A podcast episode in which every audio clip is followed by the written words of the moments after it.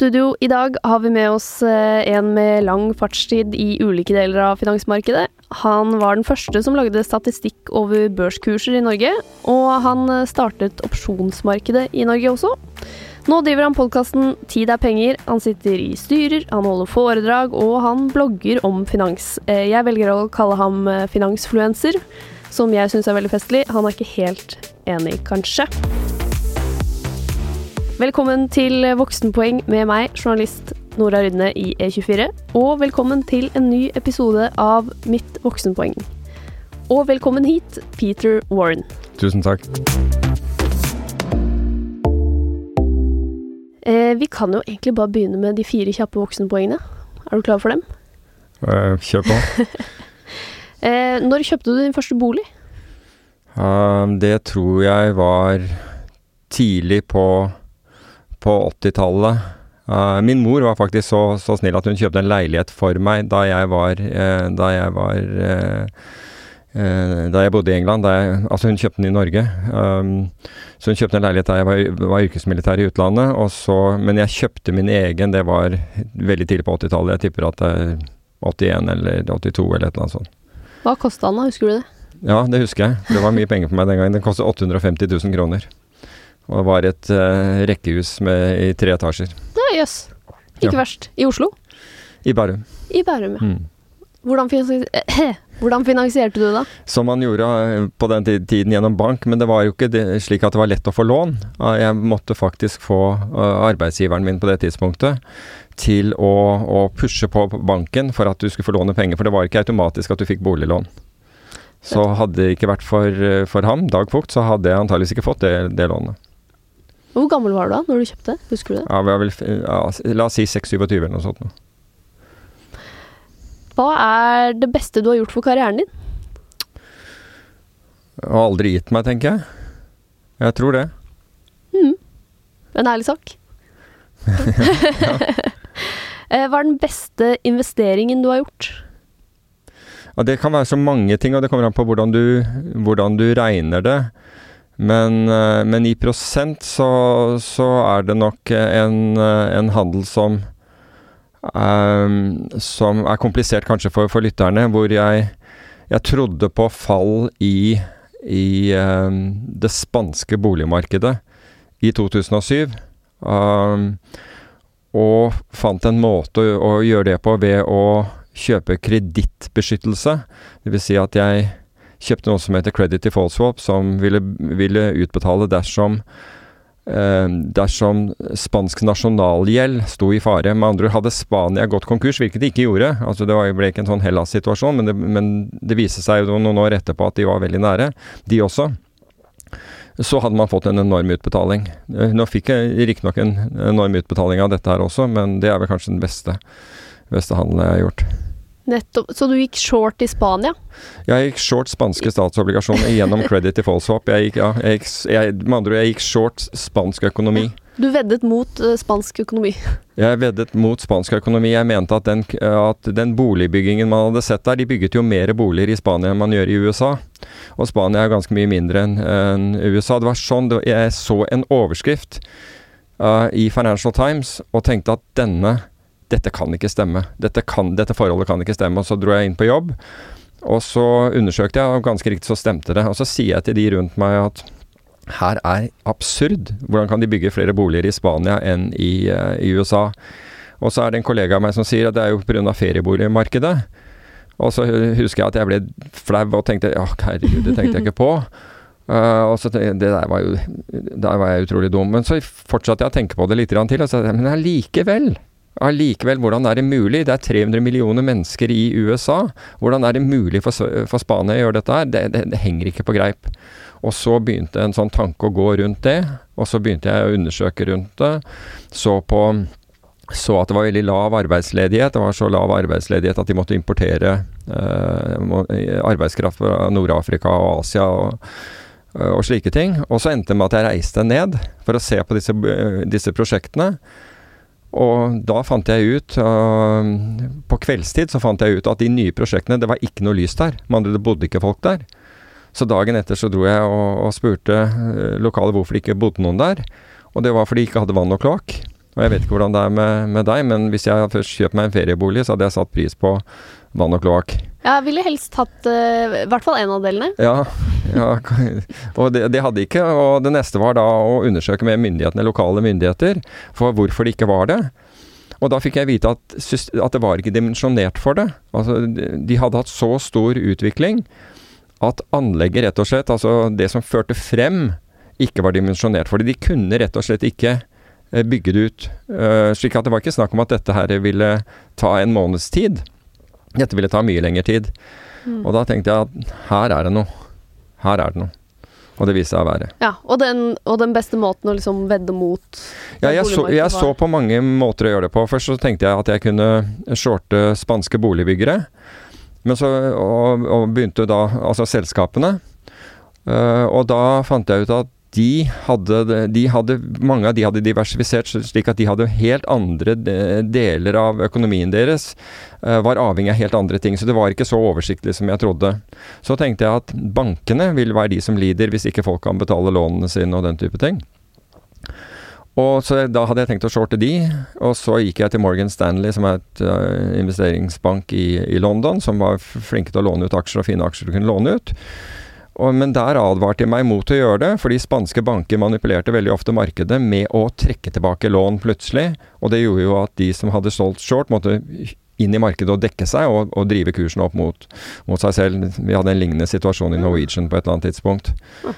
Um, så det var ikke en bra mulighet. Så så jeg på valutaen, men PC-tasen var ikke der lenger. Det, nå var det euro. Og da shorter du på en måte en hel eurosone, og det, hadde, det var Spania jeg var ute etter. Og så endte jeg da opp med et litt komplisert instrument, et instrument som ikke handles i Norge i det hele tatt, som er da konkursbeskyttelse, eller credit default swap, på spansk nasjonalgjeld. Og da kjøpte jeg en sånn en av, eh, av, eh, av, denne banken, Morgan Stanley. Så hadde Morgan Stanley som motpart eh, i handelen, og det skulle etter hvert også bli et problem i og med at vi fikk finanskrisen etterpå. Men jeg, det jeg sa, altså vi betalte 2,75 for, for, uh, for uh, basispunkter for denne beskyttelsen. Altså du måtte betale 2,75 i, i året for å ha denne, denne rettigheten. Mm. Det var en femårs, femårsprodukt. Og, og, jeg sa at dette her går i hvert fall til 30. Men hvis det blir en krise, så går dette til 150. Ja. Og fra 275 til 150, det er ganske bra avkastning, for å si det på den måten. Men det som senere skjer, men det fikk jeg ikke med meg av, av, av forskjellige grunner, bl.a. fordi jeg var redd for motpartsrisikoen i forhold til uh, Morgan Stanley, fordi finanskrisen rullet jo etter det, og så fikk du den europeiske gjeldskrisen. Uh, i, kjølvannet av det, så, så vi tok gevinsten uh, på, på 150. Fikk litt mer enn det, men så kom den europeiske gjeldskrisen. Da gikk dette til 450. Hei. Så Men Hva ble avkastningen i prosent, da? Ja, vi, vi, vi hadde jo mange tusen prosent avkastning på den. Ja. Så det er jo ikke så Fordi dere gikk ut fordi dere var redd for at Morgan Stanley skulle Ja, fordi vi hadde de som motpart. Det er ikke som hvis, hvis, du handler en aksje hvor du kan bare gå og selge den på børs. Uh, du har den mot, direkte mot Dette er det som kalles OTC, altså over the counter-markedet. Og du har, eh, Vi hadde Morgan Stanley som direkte motpart, og i dag så, det, så, så vil jo folk riste på hodet og si at nei, men herregud, de vil aldri gå konkurs. Men det sa man om Lehman også, og ja. Lehman-bladet hadde akkurat gått konkurs. Og veldig mange mente at Morgan Stanley var neste i rekken, og dette var før vi visste at amerikanske myndigheter ville gå inn og redde disse bankene. Ja, ja, så for oss så var det, eh, i og med at dette var vår kapital og investorenes kapital, så var det da snakk om å, verne om disse midlene. For det, vi hadde jo sagt to ting til investorene. At det viktigste er at vi verner om midlene, og, det, det, og, og, sekundært det at vi skaper god avkastning. Og vi var da, og jeg må innrømme jeg var veldig redd for at Morgan Stanley, som ikke opptrådte ålreit i mange andre sammenheng, hvor vi, vi, hadde andre produkter mot dem også, um, at de bare rett og slett skulle gå konkurs og gå fra forpliktelsen. Nettopp. Så var, det var ikke sånn Du våkner ikke om natten og gråter fordi åh, det kunne vært flere tusen prosent enn Nei, nei, nei, nei ikke, ikke, i det hele tatt. Jeg var, jeg var, faktisk veldig Når vi gikk ut av den handelen, så var jeg ekstremt glad for at vi, at vi var ute av den handelen og hadde fått redusert risikoen vår så, såpass mye. Fordi dette var i i det, på en måte det verste, det mest dramatiske av, av finanskrisen. Eh, det skjedde, så jeg var veldig glad for å, for å være ute av den handelen og være, og, og være, trygg. Men det hadde vist seg da i ettertid så hadde det vist seg at du kunne bare sittet på dette her, så hadde det gått videre. Så. Men hva, hva er den verste investeringen din, da? Jeg vet ikke. Altså, jeg har gjort mange investeringer som for så vidt har gått til, uh, har gått til null. Hvis jeg skulle sagt noe, så er kanskje på en Og det høres litt rart ut, fordi da jeg begynte i råvaremarkedet i London, som var på en måte mitt inntreden til uh, finans, så hadde jeg innertier på de to første tingene jeg gjorde. Um, jeg kjøpte sukker for fremtidig levering, og jeg gikk short aluminium. Aluminium falt som en stein, som var det jeg var ute etter, og sukker gikk rett til værs. Altså det tredoblet seg. På sett og vis så var ja, Det ble den beste og verste type investering. Det var det beste på kort sikt, fordi du, du følte deg som jøss. Jeg skjønner ikke hvorfor jeg har uh, tilbrakt en del av livet mitt som, uh, som uh, kald, våt og, og livredd militær. Um, Fordi jeg er et trading-geni? Ja, jeg er jo et geni på dette her området. uh, så var, den, den, følelsen var veldig god. Men det gjorde jo selvfølgelig at jeg ble helt rett og slett overmodig. Jeg trodde at dette kunne jeg. Jeg, ja. jeg trodde jeg kunne dette faget, og så ikke at det var tilfeldig. Så jeg gikk da fra en, en, for meg en enorm gevinst. Altså, husk på at på, på dette tidspunktet jeg, jeg hadde, jeg hadde jeg studerte ved siden av, og jeg, eh, og jeg, jeg, hadde, ikke nok, eh, jeg hadde ikke nok penger til å, til å, ta tuben, eller bussen, så jeg gikk til universitetet. Jeg gikk fra noe som het Tufnell Park og ned til eh, Tottenham Court Road i, i, London. Hver dag frem og tilbake. En eller annen grunn det regnet hver dag, fikk jeg, i hvert fall sånn som jeg husker det, så regnet det hver dag. Og på fredager så stoppet jeg ved, ved, ved en sånn iskrembutikk som hadde 43 forskjellige sorter is, iskrem, og, og, og, kjøpte meg en sånn der cone med, med to eller tre smaker eller noe sånt, og det var det jeg kunne se frem til. Det var fredager. uh, så jeg gikk fra det til på, på, veldig kort tid har råd til å, til å, til å kjøpe en bil. Uh, kunne kjøpe en leilighet. Altså, det, det, gikk på en måte veldig, veldig bra. Uh, det gikk, gikk, gikk, så gærent at det var et, et, øyeblikk at jeg lurte på om jeg skulle legge inn anbud på Liechtenstein. Men jeg tenkte det kunne være et bra sted å være, for det, dette, dette, går jo kun én vei. Og så gikk det rett til null. Rett til null. Ja. Um, men ikke under null, heldigvis. Jeg skyldte ingen no, noe penger. Men uh, Så du kan si at det Og hvis du ser det i enda lengre perspektiv, så er det antageligvis det beste som skjedde med meg. For det lærte meg ydmykhet i forhold til markedene, og det lærte meg å, å tilnærme meg markedene på en helt annen måte. Så hvis den smellen ikke hadde kommet da, så hadde den definitivt kommet på, på, på et senere tidspunkt. Og kanskje involvert mer penger? Og veldig sannsynlig involvert enda mer penger. Så det var egentlig et greit tidspunkt. Det føltes ikke sånn ut på det tidspunktet, men sett i, i, i, retrospekt så var det nok et greit tidspunkt å få seg en sånn, en, en sånn kalddusj. Du nevner jo her eh, både starten på karrieren, det var eh, metall- og varetrading. Råvare, ja. ja mm. og så eh, var du kald og våt militær. Eh, hva, men hva var planen da du gikk på videregående?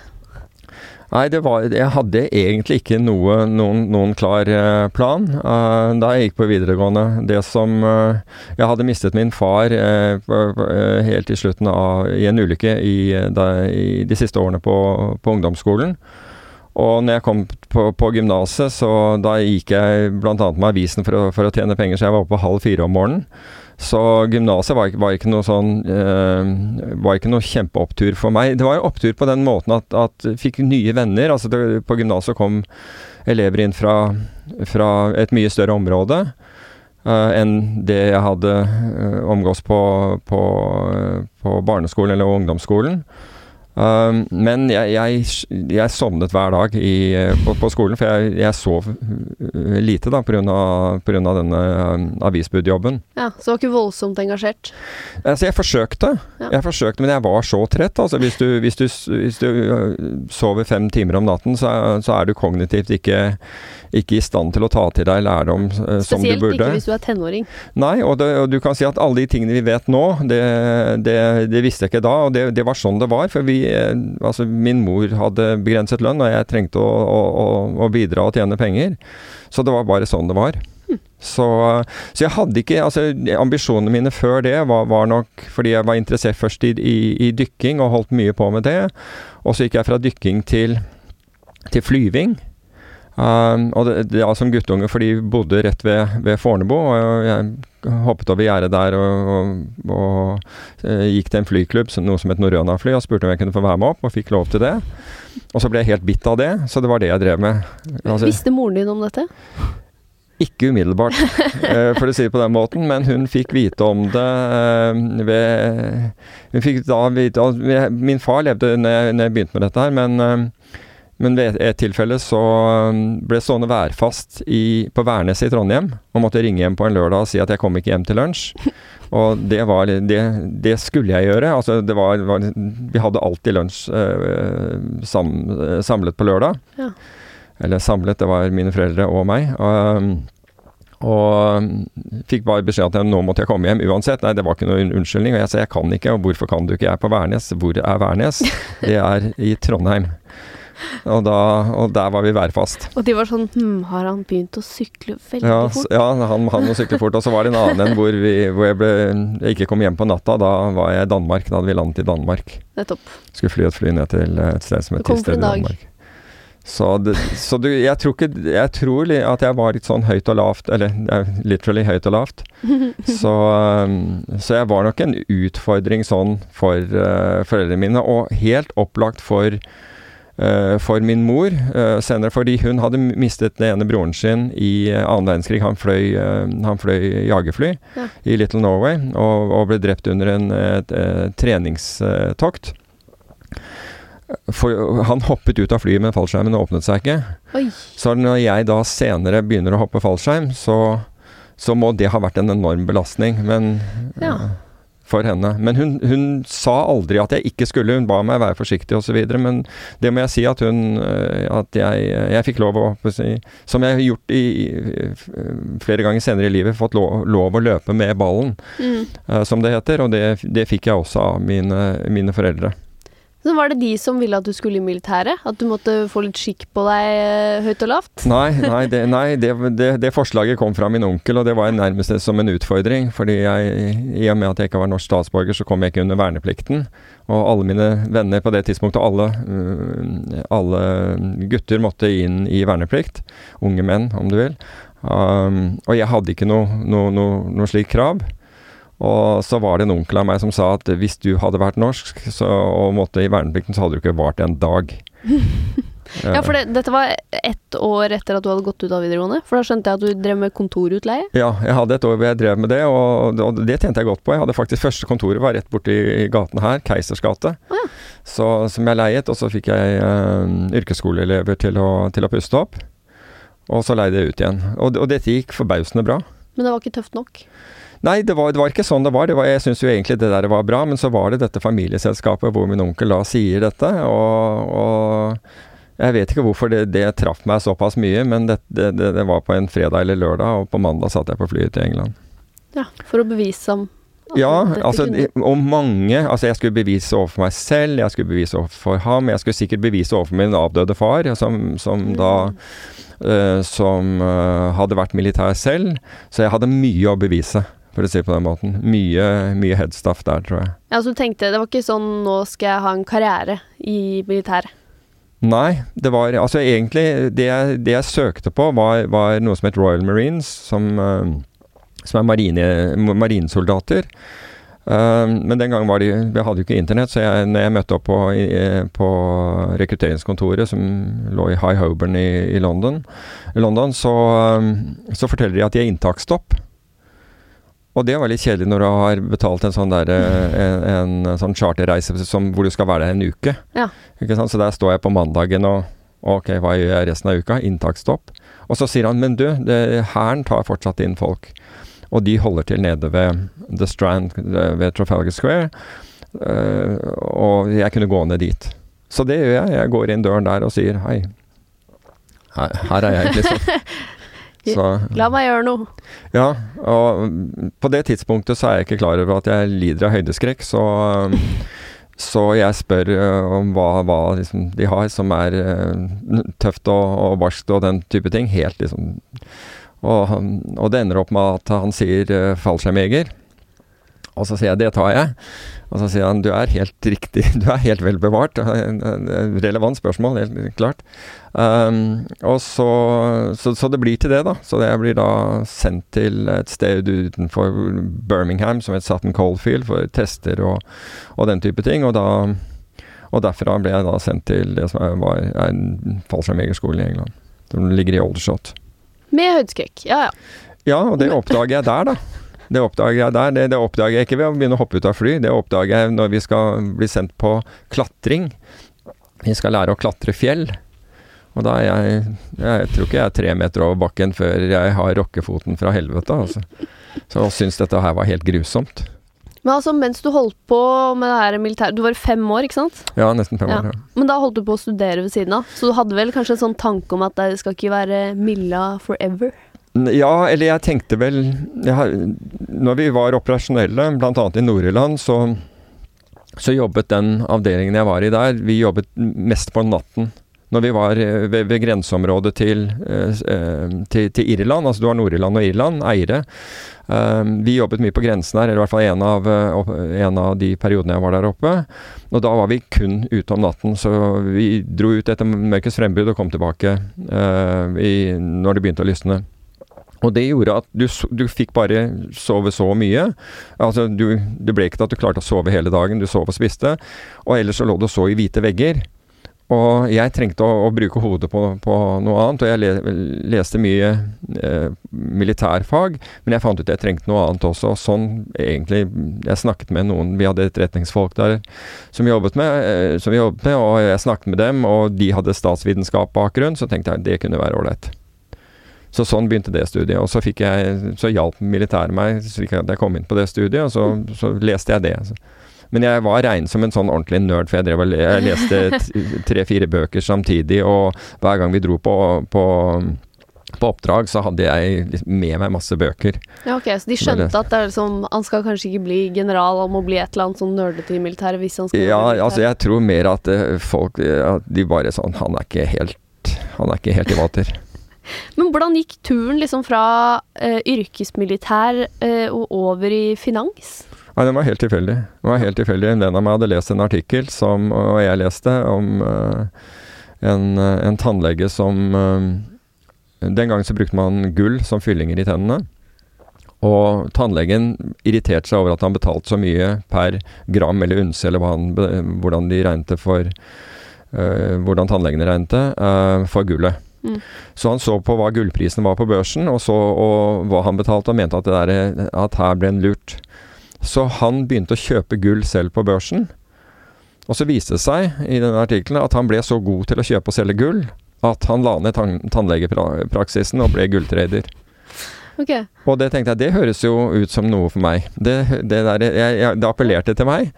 Um, og så, fordi jeg hadde lite erfaring og, og, og internett ikke fantes, så ringte jeg da til metallbørsen i London. Og da visste jo ikke jeg at det ikke handlet gull der. For det er bullion market hvor man handler gull. Det er et helt eget marked. I, eh, i, i New York er det det samme marked, men det var ikke i, i London. Men, og, og, fikk snakke med en der, og han inviterte meg på lunsj. Og han syntes jeg hadde en interessant bakgrunn. Og satt meg i kontakt med noen noe tradere. Dette var ved samme møte. På, som, og disse traderne, en av de syntes at han her høres ok ut, og sa møte opp på kontoret mitt i morgen. Og det gjorde jeg. da, Klokken åtte var jeg der, og da hadde jeg jobb. Ja. Og da var det men, men du kan si lønnen din var You could eat what you killed. Så Av provisjon. Ja, du kan si du måtte, du måtte klare å tjene penger. Mm.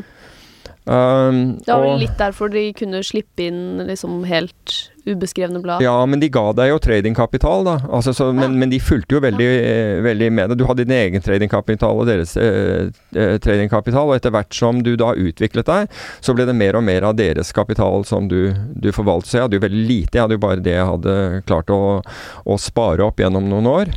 Um, og det var det jeg tapte i, i, i første runde. Mm. Og så, så, fikk jeg tak i mer kapital, og så jobbet jeg for mer kapital, og så, og så var jeg på'n igjen. Ja. Og da gikk det bedre. Så, så, sånn var det egentlig. Det, skjedde. Det var en sånn brutal møte med, med, med, med, For så vidt med, finans. Ja, Men du bare ramla inn i finans, rett og slett? Rett og slett ramla inn. Og så fortsatt, Men du hadde jo eh, oppdaget et visst talent? Ja, altså jeg, hadde, jeg, følte ikke at jeg hadde noe, eh, noe, noe talent når jeg begynte, men jeg, du kan si at når jeg var ferdig med militæret, så visste jeg ikke hva jeg skulle gjøre. Jeg kunne fortsette i den bransjen, fordi det var mange land som styrker som var interessert i folk med min bakgrunn. Og det, det var alt fra Du kunne være livvakt for, eh, for sjeiker i Emiratene. Uh, Sør-Afrika rekrutterte flere andre afrikanske land, og du, du tenker at liksom det her er, er, det det du vil? Liksom Å ende opp som en form for leiesoldat i, uh, i, i, ja. i Sentral-Afrika. Det hørtes ikke voldsomt uh, voldsomt attraktivt ut. Så, så, det var egentlig sånn det, Valgene var ikke så Jeg følte ikke at jeg hadde så mye valg. Altså Jeg kunne jo ta jobber, men jeg ville jo gjerne gjøre noe som jeg likte å gjøre. Og i finans så, så, så, likte jeg Jeg likte miljøet der. Altså i London, det var liksom litt som militæret, hvor det var et veldig ærlig miljø, og du fikk klare tilbakemeldinger. Det var ikke noe imellom der. Altså, gjorde du noe dumt, så fikk du høre det. Mm. Um, men samtidig så, så heit de på deg når du gjorde ting bra. Det var, eh, det var, I London i hvert fall, så var det, det var ingen misunnelse, og folk ga deg kunnskap. Altså Hvis du var ydmyk og forsøkte å, å, å spørre om ting, så, så var folk sjenerøse med tiden sin. Så sånn ble jeg også inspirert av det. og når, når, Det er jo mye lettere når, når du får en rapport med noen, og altså, da føles ting mye enklere. Og, og det, altså, folk delte rett og slett hvordan, hvordan de så på, på verden, markedene, og hvordan de tjente penger. De, de delte, det var ikke sånn hemmelighold at du, 'jeg vil ikke fortelle deg hva som virker', eller noe sånt. Ikke i det hele tatt. Ja, For det var plass til alle, på en måte? Ja, for de visste det ikke jeg visste, og det er at psykologi teller. Altså, Du kan si at du kan ha to like personer, gi de akkurat samme beskjeden om å kjøpe noe, men de vil agere forskjellig. Mm. Og det har jeg også erfart senere i livet. Altså, det er hvem vi er. Uh, mentalt og på andre måter. Altså, og dette går jo tilbake til ting du har opplevd i barndom, hvis du virkelig skal gå i psykologien. Det bestemmer egentlig vår atferd senere i livet også. Så de var ikke redde for å dele det, fordi de visste at jeg ville, ikke, jeg ville egentlig ikke konkurrere med dem. Ja. Jeg, ville, jeg, ville, anvende dette sånn som jeg var opplært til, altså med, med mine forutsetninger, men det ville ikke komme i veien for dem. Og det var bare bedre å ha flere som, som tjente penger. Så sånn var det i England.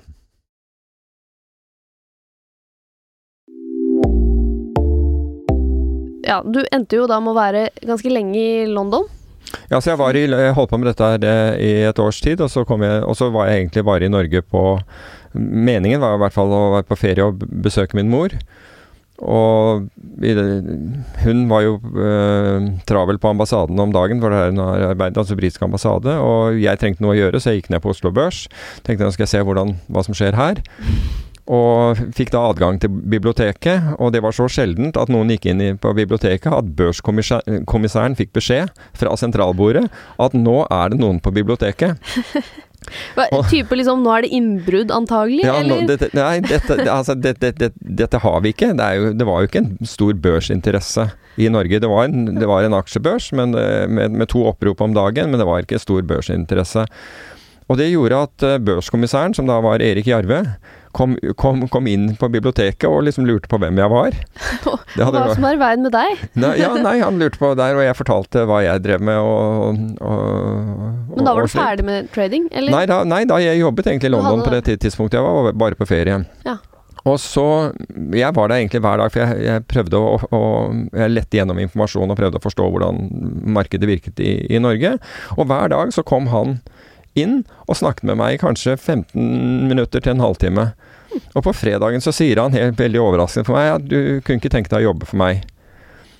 Um, og så, så sa jeg, la, la, meg tenke meg om, fordi det var jo ikke der jeg ville med, med, karrieren. Men så husker jeg jeg satt på flyet tilbake igjen til uh, London, og så tenkte jeg at hvis jeg noen gang skal se det fra en børs fra innsiden, og det tenkte jeg det kan jo være nyttig å forstå en børs fra innsiden, fordi det regulatoriske oppropene, hele, hvordan det fungerte, så er det vel nå i karrieren det, det passer. Så, så, så jeg svarte ja. Og sånn begynte jeg eh, på Oslo Børs, og der var jeg et år. Og da altså, Da var jo børsen helt manuell, så, så blant annet så, så igangsatte jeg at vi, vi, hadde jo ikke tilgang til datamaskiner, men jeg ba om en, en, eh, en kalkulator, en programmerbar kalkulator. Det måtte opp i børsstyret for å bevilges.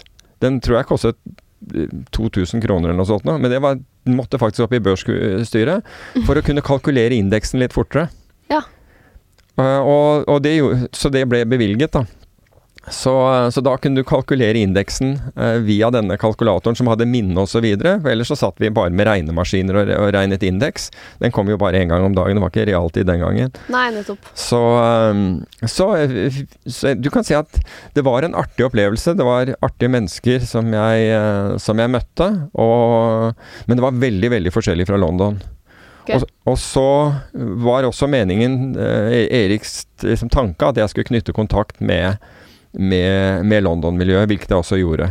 Uh, presenterte for, uh, for blant, London Stock Exchange og, og andre steder. Um, så, så, det var et bra år, for, ja. all, for all del. Og så så gikk du videre til Da gikk jeg videre til da, ja, For du fikk en idé? Var, var det der du fikk denne uh, opsjonsideen? Nei, den, den, kom Altså, jeg hadde jo handlet opsjoner allerede på det, det tidspunktet, men så begynte jeg i uh, noe som het Fukt og Fukt.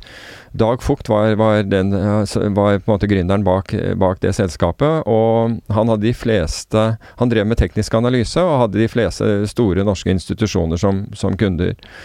Og vi satt nederst i, i Karl Johans gate. Og han satt og førte alt dette her med, med for hånd. Men, og, og, brukte noe som het point of figure-metoden, mens jeg var vant til tidsserier. Problemet var at det fantes ikke noe tidsserie på Oslo Børs, for ingen hadde grafet noe som helst. Altså Det fantes ikke noe database på Oslo Børs med børskurser. Så jeg kom opp med ideen da at vi skulle lage den. Vi skulle kjøpe inn datamaskin og lage denne her. Og da måtte vi taste inn dette selv, så jeg satt sammen med en, en sekretær som het Berit Dahlsegg, Og jeg, vi, vi, vi, byttet om hvem som leste og hvem som tastet. Så vi tastet da inn tre år med daglige børskurser på alle de selskapene som, uh, som var på børsen. Og utga etterpå Norges, den første chartboken, altså som viser kursgrafikk på, på norske aksjer, som het The Oslo Stock Market, kom ut hver 14. dag. Um, og jeg mener at prisen på den var 9600 kroner i, i året. Ja, For det, det, var ganske mye. Nå er vi tilbake på 90-tallet. Ja, nei, vi er, vi er, i 80 fortsatt. Vi er fordi fortsatt i 80. Vi er fortsatt i 80, så vi, dette, er, dette, skjer i 81-82. Og, og, resultatet vårt blir tredoblet takket være, det, takket være dette. Og i 83, så selv, eh, da er jeg også partner i selskapet, så selges selskapet til eh, Kredittkassen, som i dag er Nordea. Mm. Så de kjøper dette selskapet mot at jeg tror Dag hadde bindingstid på halvannet år, og jeg fikk en bindingstid på fire og et halvt år. I selskapet. Så, eh, så, sånn var, på en måte var det, og det ga jo meg Plutselig så fikk du inn, eh, så fikk du inn egenkapital også. Eh, så, så, sånn sett så var det veldig bra. Men var det tanken bak å lage den der kursen? At det er sånn nå skal, For det høres ikke Det høres nyttig ut, men det høres jo dritkjedelig ut å sitte der og taste de Ja, det er klart at det var Men det er jo det du må Av og til så må du gjøre dritkjedelige ting for å, for å kunne gjøre morsomme ting. Ja, ja, men var det det som var tanken? At sånn ok, dette er en god idé, det er dritkjedelig, men kanskje vi får noe ut av det, og så kan vi gjøre noe morsomt etterpå? Nei, fordi jeg, jeg hadde drevet med tidsserietype analyser eh, fra, fra, London, og nå kunne vi analysere markedet med langt flere indikatorer enn vi hadde gjort før. Og vi, vi trodde at dette ville være et et skritt oppover i kvaliteten som vi kunne gi til kundene. Og det var det også, men det, det var jo et gigantisk skritt oppover når det gjelder, når det gjelder inntektene til selskapet. Så, så, så, du kan si at det var eh, Ja, vi satt jo der på, på kvelden og, og, og tastet, og når, det, det, dette var før eh, harddiskens tid. Dette var mens du hadde floppy-disker som du stakk inn i datamaskinen. Og den dagen vi, vi printet ut på på torsdager, altså annenhver torsdag, så printer vi dette ut. Og med en gang jeg kom tilbake fra børs med listen, så måtte vi taste inn eh, alle dagens kurser. Og så begynte jeg å kjøre dette programmet. Og dette programmet var for stort for én disk. Det måtte ha to disker. Så jeg tror det var klokken åtte eller ni om kvelden så måtte jeg inn og bytte disker. For da, dette gikk jo ut på printerpapir. Det var jo ikke noe sånn der at uh, lagre her og send det på, send fila til, til trykkeren. Det gikk jo ikke. Så, så, dette printet ut, og så måtte jeg åtte-ni om kvelden så måtte jeg inn der og skifte disk. Og da hendte det av og til at noe hadde gått gærent med printeren, så jeg måtte begynne på nytt igjen. Så da kunne det være at jeg var ferdig klokken fem om morgenen, for jeg måtte inn klokken ett-to om natten. Når den andre disken hadde printet ut òg, så hentet jeg da denne, denne, denne papirbunken og kjørte opp til Pilestredet, hvor jeg leverte til et trykkeri. Hvor jeg låste meg inn på natta og la det på en pult, slik at de når de kom om morgenen, så fant de denne, og da trykket de den, denne chartboken. Hvor lenge holdt du på med det her, egentlig? Ja, det, Jeg kan ikke huske hvor mange år jeg holdt på med det der, men det var jo Det var liksom der sært. Og, og, i hvert fall når, når, det skar seg, da, og du måtte opp uh, klokka tre om natta, ja, ja, ja. eller hva det er, fordi du setter alarmen på det, for du måtte kjøre inn til byen for å gjøre dette igjen. Så, men den ideen der, den solgte du til Oslo Børs, tror du ikke? Nei, altså du kan si at Oslo Børs, de, de oppdaget jo at de hadde blitt stående igjen på perrongen. Fordi de hadde jo disse dataene, men de hadde jo ikke gjort noe med det. Så de da grunnla OBI, som er Oslo Børsinformasjon, og ville jo selge all, all mulig sånne data. Og I dag er det jo det da børser lever av. De lever av å selge kursinformasjon. Ja. Det er over hele verden, også Oslo Børs. Men det som skjedde da, var at du fikk, eh, da fikk du og din partner Dag Fugt lagt seg opp en del penger? Ja, altså vi fikk jo eh, Altså da Jeg eide, jeg eide 30% av selskapet, og, og, og, Dag Fugt resten. Så det, det, er klart at det ble, ble, en, ble en hyggelig inntekt. Uh, og så, um, så, fortsatte vi i selskapet, og frem til da 87, hvor Og jeg hadde da ideer om, om opsjoner. Egentlig, jeg hadde vært interessert i opsjoner og handlet opsjoner lenge, men hans Gelmeiden var på det tidspunktet, altså, som er nå i Gelmeiden Kise. Mm. Uh, han var da redaktør i Morgenbladet. Og, nei, han ble redaktør i Morgenbladet senere. Han var redaktør på det, dette tidspunktet i et tidsskrift som het Farmann. Og Farmann der var som Kapital økonomisk rapport. Det var en av disse tidsskriftene, økonomiske tidsskriftene folk leste. Okay. Og han spurte om jeg kunne skrive, skrive en spalte i, i Farmann, og hvilket jeg sa ja til. Og da skrev jeg om ting som teknisk analyse, men av og til så skrev jeg om opsjoner. Hver gang jeg skrev om opsjoner, så fikk vi masse leserhenvendelser. Så jeg skjønte at det var en opsjonsinteresse i Norge, og da tenkte jeg hvorfor ikke starte et opsjonsmarked i Norge? Det fins allerede et i Sverige. Hva er opsjoner? Kan du forklare opsjoner det? Opsjoner er da eh, På det tidspunktet var det kun kjøpsrettighet på aksjer. Så istedenfor å kjøpe en aksje, la oss si at aksjekursen er 100, så kan du kjøpe en rettighet til å kjøpe denne aksjen f.eks. på 100 eller 105 eller 110. Um, det bestemmer du på, uh, forhånd, og den, den vil være begrenset i tid. Og det betaler du en opsjonspremie for. Så du kan si at hvis aksjen ikke går opp og isteden halverer seg, så taper du ikke mer enn den opsjonspremien som du har betalt. La oss si at det er tre, tre kroner eller et eller annet sånt. Så du kan ikke tape mer enn det. Men du må løse den inn på et eller annet tidspunkt? Du må ikke løse den inn. Den forfaller verdiløs hvis du ikke løser den inn. Okay. Men det er klart at hvis du har kjøpt den for tre kroner, og den aksjen går til ti kroner, så har du en frisk ikke sant? Da, da, da har du da ti minus tre, altså da har du syv kroner i fortjeneste på, på en tre kroners investering. Ja, nettopp. Det, så, så, det starta du opp? Ja, så jeg da startet da opp, uh, opp sammen med en kollega som jobbet i, uh, i uh, Som også jobbet i, i, Fukt og Fukt, men som ikke var partner. Vi startet da, da Og jeg hadde et selskap som het, het, het Morgate, Morgate, som jeg da skilte ut en, en, et datterselskap, eller et, et, ja, et datterselskap som het Morgate Options. Og vi fikk da med Hafslund og Orkla på eiersiden. Ja. Så vi fikk store investorer med oss på, på eiersiden. Og så dro vi det, dette, dette, selskapet i gang. Nettopp.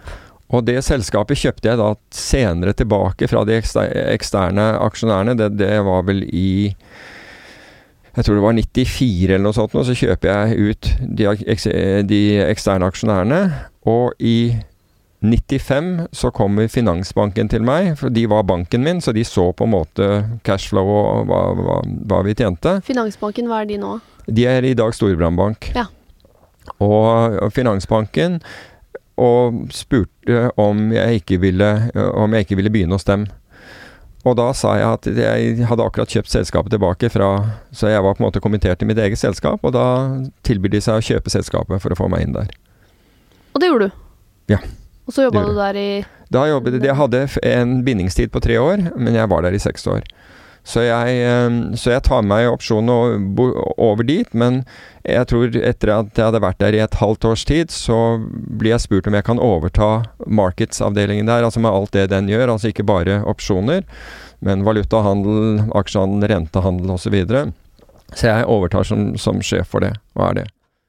Men altså, eh, du gikk jo da fra eh, trading i eh, Altså aksjehandel i bank til å jeg, handlet, jeg handlet mer Nei. valuta og ja. renter enn Aksjer var veldig lite. Ja. Veldig. Finansprodukt eh, Ja, du kan si jeg handlet i de store kapitalmarkedene. Jeg gjorde makrotype investeringer. Ja. Og så begynte du å investere for andre? Ja, var, da startet vi opp uh, med, med, med, forvaltning. Det var i 2002, når jeg forlot uh, Finansbanken. Da startet vi et forvaltningsselskap. Og så drev jeg da forvaltningsselskap. Eh, eller drev, da jobbet jeg i forvaltningsselskap fra, fra, da og frem til 2014. Eh, eller 2015 blir det vel egentlig. Men jeg lurer bare på, liksom, du har jo vært innom nesten alle deler av finansbransjen i løpet av karrieren. Mm. Eh, hvordan, hvordan fikk du til det? Eh, altså, Hvordan greide du å lykkes i den bransjen uten at du Du har jo ikke studert finans? Jeg, jeg, studerte økonomi, men du kan si det jeg fant ut med, med økonomien, var at veldig lite eh, jeg, synes, jeg fikk veldig lite nytte av det i, i, i finans. Det betyr ikke at, at, at alt er, er, er, unyttig, det er ikke, men du kan si at økonomistudiet handler ikke om finans. Du må nesten studere finans for, å, for at, skal, at ja. du skal forstå finans. Men det er viktigere altså den, Det er to uh, lover i økonomien som jeg syns spilte en rolle. Den ene er loven om tilbud og etterspørsel, at du forstår når det er ubalanse mellom det og hva som vil skje. Og så er det en annen lov som heter the law of diminishing return, som betyr at det koster mer når du ekspanderer enn en, en, en du tjener. Altså med andre ord, du, det å vokse kan bli veldig dyrt for deg. Mm og make sense. Så, så, du kan si at du, du, lærer jo ved å være i markedene hele tiden. Du lærer ved, ved, ved å være der og, og, ta til deg informasjon og, og, og, være nysgjerrig selv. Men jeg må jo også i dette øh, fortelle at da, jeg, da, vi startet med opsjoner øh, jeg, jeg, dro ofte til USA og, på, på kurs og den type ting, og da jeg var der borte ved en anledning, Eh, så, så, så, møter jeg en, eh, en, kar som heter Ralph Fogel. Hadde han hadde jeg truffet takket være en amerikaner som faktisk DNC, som det het den gangen, DNB som det heter i dag, hadde tatt over til Norge for å holde et foredrag. Og gjennom denne karen, som han som eh, DNC hadde hentet til Norge, het Ralph Ackenpora, som jeg ble venner med, han presenterte meg for en annen amerikaner som het Ralph Fogel. Og Ralph Hogan skulle vise seg å få en enorm betydning for meg. Fordi han inviterte meg til New York, og han sa hvis du har lyst til å komme bort, for all del, gjør det, så skal jeg introdusere deg til folk. Og han visste at jeg var interessert i opsjoner, og han drev med opsjoner selv. Og Jeg husker jeg gikk inn på kontoret hans. Først hadde jeg hatt et møte i, i, i World Trade Center med, med, en, med, en annen, eh, med, en, annen, trader. Og så var jeg borte hos han, og så sier han til meg Hvem, hvis du kunne velge fra øverste hylle, hvem ville du ha ønsket å treffe i USA innen, finans? Og så, så jeg sier eh, jeg, Så er jeg veldig imponert over Susquehanna, uh, Susquehanna Trading. Så jeg, ja, sier han, de er i, i, i, Philadelphia. Har du lyst til å, å, å, treffe noen der? Ja, det hadde jo vært veldig fint. Ralph går rett på telefonen og Jeff, it's, Jeff, it's Ralph. I have this guy from Norway here. Ikke sant? Det er sånn Morgen tidlig, ja. Helt fint. ikke sant? Bang på, du tar toget til Philadelphia i morgen tidlig. Så jeg drar ned til Philadelphia dagen etter og møter da Jeff Jazz, som han heter, som var legende innenfor opsjoner. Og jeg får da et par timer av tiden hans. Jeg kommer tilbake igjen til, til eh, New York eh, på, sent på ettermiddagen, og, Ralph er, og inn på kontoret til Ralph, og Ralph sier igjen OK, hvem er det nå? Altså, velg på øverste hylle, hvem, hvem vil, du, vil du, du snakke med? Og jeg tenker ja, Chicago Research and Trading. Det var en av de, de, de, de, fremste innenfor dette området. Og akkurat det samme. Han tar telefonen. Og 'Joe, it's Ralph. I've got this guy from Norway'. Når kan du se han, ikke sant? Ja. Morgen tidlig passer bra. Morgen tidlig, tenker jeg. Jeg er i New York, dette er i Chicago. Og så klemmer han ned knappen, og så, og så snakker han til sekretæren sin. Book a ticket for Peter on the Red Eye til Chicago. Og det vil si at jeg fløy på nattflyet til, til, til Chicago. Og sånn Jeg fikk møte de flinkeste der ute som delte sin kunnskap med meg. Og Connors var et annet selskap eh, i, som lå faktisk i samme bygningen i, eh, i Chicago, men takket være eh, takket være Ralph, så fikk jeg adgang til til på en måte de som virkelig kunne ting. Jeg fikk adgang til børsgulvene. Ja. altså Folk tok meg med. Og sånn er USA. De, de, er de på en måte Hvis de liker deg og, du, og jeg har ofte tenkt på det etterpå. Hva var det som gjorde at de var så villige til å, til å behandle meg så pent? da? Og Det tror jeg er en ydmykhet som jeg hadde overfor den kunnskapen de hadde. Så de syntes det var ålreit å dele med meg. Ja, fordi det tenker jeg også at det, eh, i veldig mange deler av din karriere så har det jo på en måte vært folk som har sett deg og eh, ja. lært deg ting, gitt deg Absolutt. muligheter. Men hva er det med deg som gjør at folk har lyst til det? Ja, Det, det må andre svare på, men det, men det, samme altså Jeg skal fortelle en, en, en situasjon i, uh, i Finansbanken. fordi der fikk jeg også lov å løpe med ballen. Dag Fugt ga meg anledning til å løpe med ballen når det gjaldt det med å, å kjøpe inn datamaskiner og, og den visjonen om tidsserieanalyser i, i, i Norge. Finansbanken var, var egentlig på, på, samme måten. De, jeg fikk lov å løpe med ballen. Og ved et, et tilfelle så husker jeg, jeg min, eh, Sjefen min der het Steinar Terjung. Eh, toppsjefen het Carl Maursund. Og Steinar var, var vise, viseadministrerende. Og en dag så kommer han inn på desken. Det er, det er mye som skjer i markedene. Det er liksom Alt faller fra hverandre. Mm. Og han kommer opp og så sier han 'hvordan går det?' Og så sier jeg 'vet du hva, i dag går det ordentlig til helvete'. Og han vet at når jeg sier det, da går han antakeligvis ordentlig til helvete, for han har aldri hørt meg si det før. Og så går han bare inn til seg selv, og Altså enden på visa, og jeg var, jeg var, godt under vann på det tidspunktet, men jeg var innenfor de mandatene jeg hadde. Men banken slet på alle andre områder.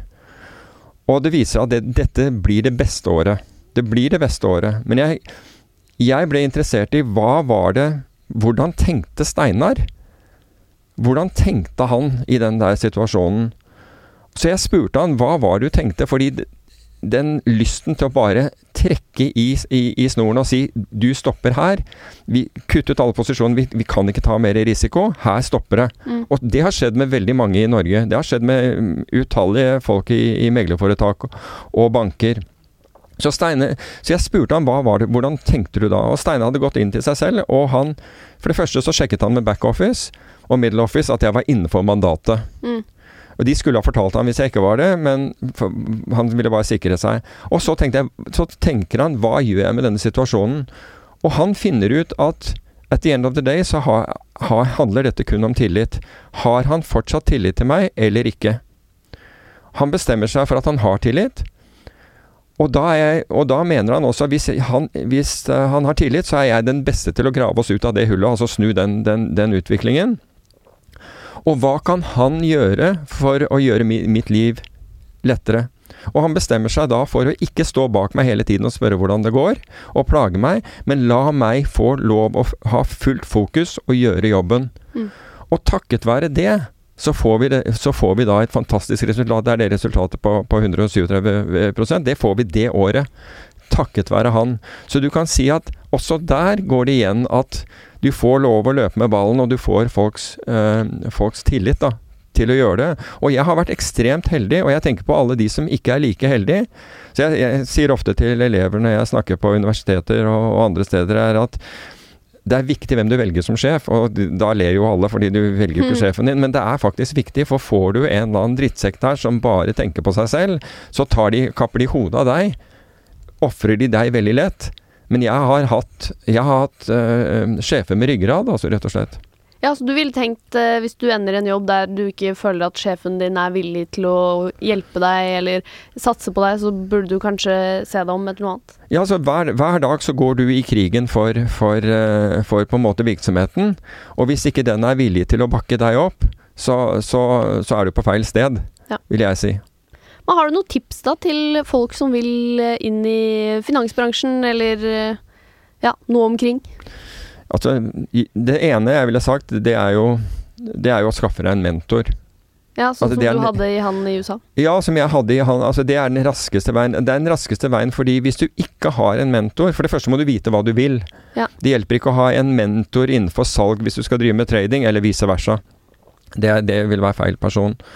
Um, men en, en, men- hvis du skaffe, klarer å skaffe deg en mentor, så kommer du til å spare enormt med tid, og enormt med feil. Mm. Altså rett og slett du, du vil, det, er, det er så mye, mye lettere. eh, eh, fremtiden vil være veldig mye, mye lettere. Og så ha, handler det jo om å ikke gi seg, da. Å være kommittert til det du gjør. Altså du, ikke gi, du må ha motivasjon til å gjøre det, men enda, enda viktigere er, er at du gutser. Altså at du er kommittert. At du virkelig er kommittert til å, til å, til å bli bedre. Og det, det betyr jo rett og slett at du forsøker å bli bedre hele tiden. Du er på en måte aldri fornøyd med hvordan Ja, for jeg har skjønt at du leser fryktelig mye. Jeg leser ja, ganske mye. Det burde folk i bransjen gjøre òg. Ja, altså jeg tenker det, det, det skjer nye ting hele tiden.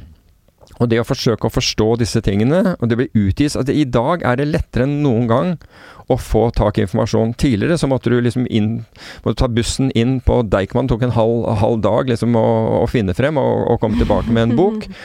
I dag er, har du jo eh, luksusen av, av internett, slik at hvis du, et eller annet er på Audible eller det er på Kindle eller noe sånt, noe, så har du det i løpet av et minutt eller to. Eh, det som er det som er uh, challenge, utfordringen i dag, det er jo å, å klare oss å, å finne det rette Ja. i, i ting. ikke sant? Å filtrere det, alt det dårlige som er der.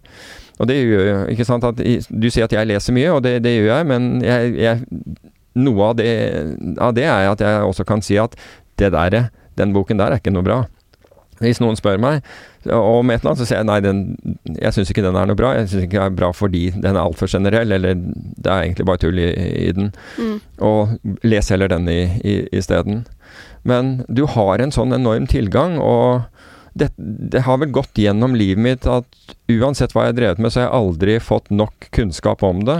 Og hvis jeg fikk nok kunnskap om det, så da, da slutter det på en måte. Da slutter jo på en måte den motivasjonen min til å til, til å, å være der i det hele tatt. Jeg, jeg har aldri opplevd det, faktisk. Uansett hva jeg drevet med, så har jeg aldri opplevd at jeg har kommet til topps når det gjelder kunnskap.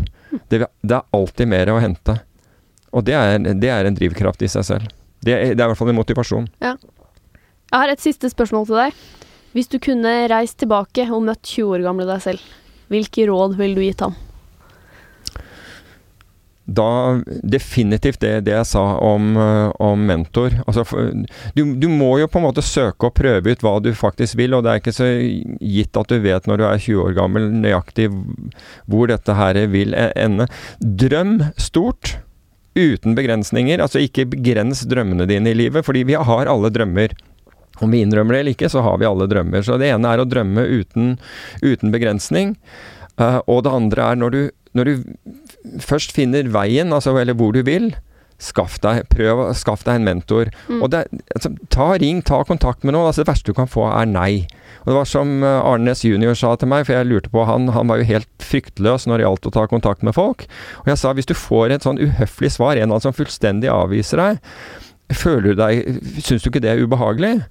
Og han sa nei, det bare definerer den personen. Han syntes ikke det var noe problem i det hele tatt. Det definerte bare den andre personen, så det, han brukte ikke noe tid.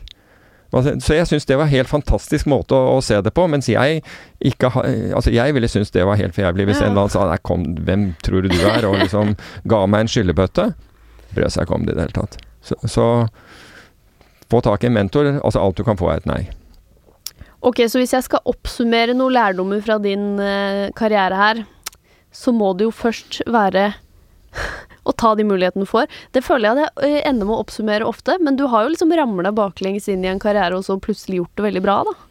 Jeg har ramla baklengs, ja. Ja. Altså veien har Du kan si at det er jo det fascinerende med, med, med karriere og, og, og valg man gjør i livet, er at det dukker opp muligheter underveis som gjør at selv om vi har ett spor, så kan det godt hende at vi, vi ender opp i et annet fordi Mm. andre ting eh, dukker opp. Men hvis vi ikke gjør noe, hvis vi står på, på, på, på stedet hvil, så skjer jo ingenting. Så du må på en måte være i bevegelse og være villig til å bevege deg. Mm. Være motivert for det. Da dukker det også opp, opp, opp eh, nye muligheter. Og så blir det prøv å fange deg en mentor. Som kan ja, prøv, introdusere prøv, å- deg ja, folk. Finn noen som har gått den løypa før deg. Og prøve å, å lære hele tiden. Lære på jobb, lære ved å lese, lære ved å holde deg oppdatert på liksom, markedet og bransjen, Ja. rett og slett. Husk på at, at livet er jo sånn at, at uh, endepunktet i livet er døden. Ikke sant? Det er jo reisen. ja, men, ja, men folk må virkelig tenke på det. Det er jo reisen du skal nyte. Mm. Og, og den, den nyter du ved å lære ting, ikke sant? Ved, ved å oppdage stadig nye ting. Så, så endepunktet er, er ikke noe, noe å hige etter. Da, på det mm, poetiske tonen, så sier vi tusen takk for at du kom hit i dag, eh, Peter Warren. Takk for at jeg fikk komme. Produsent i dag, det var eh, Kristine Masdal Odne. Og så må du huske å gå inn og følge oss på Instagram. Der eh, legger vi ut masse festlig videoinnhold og litt sånn oppsummeringer av episoder og gode tips.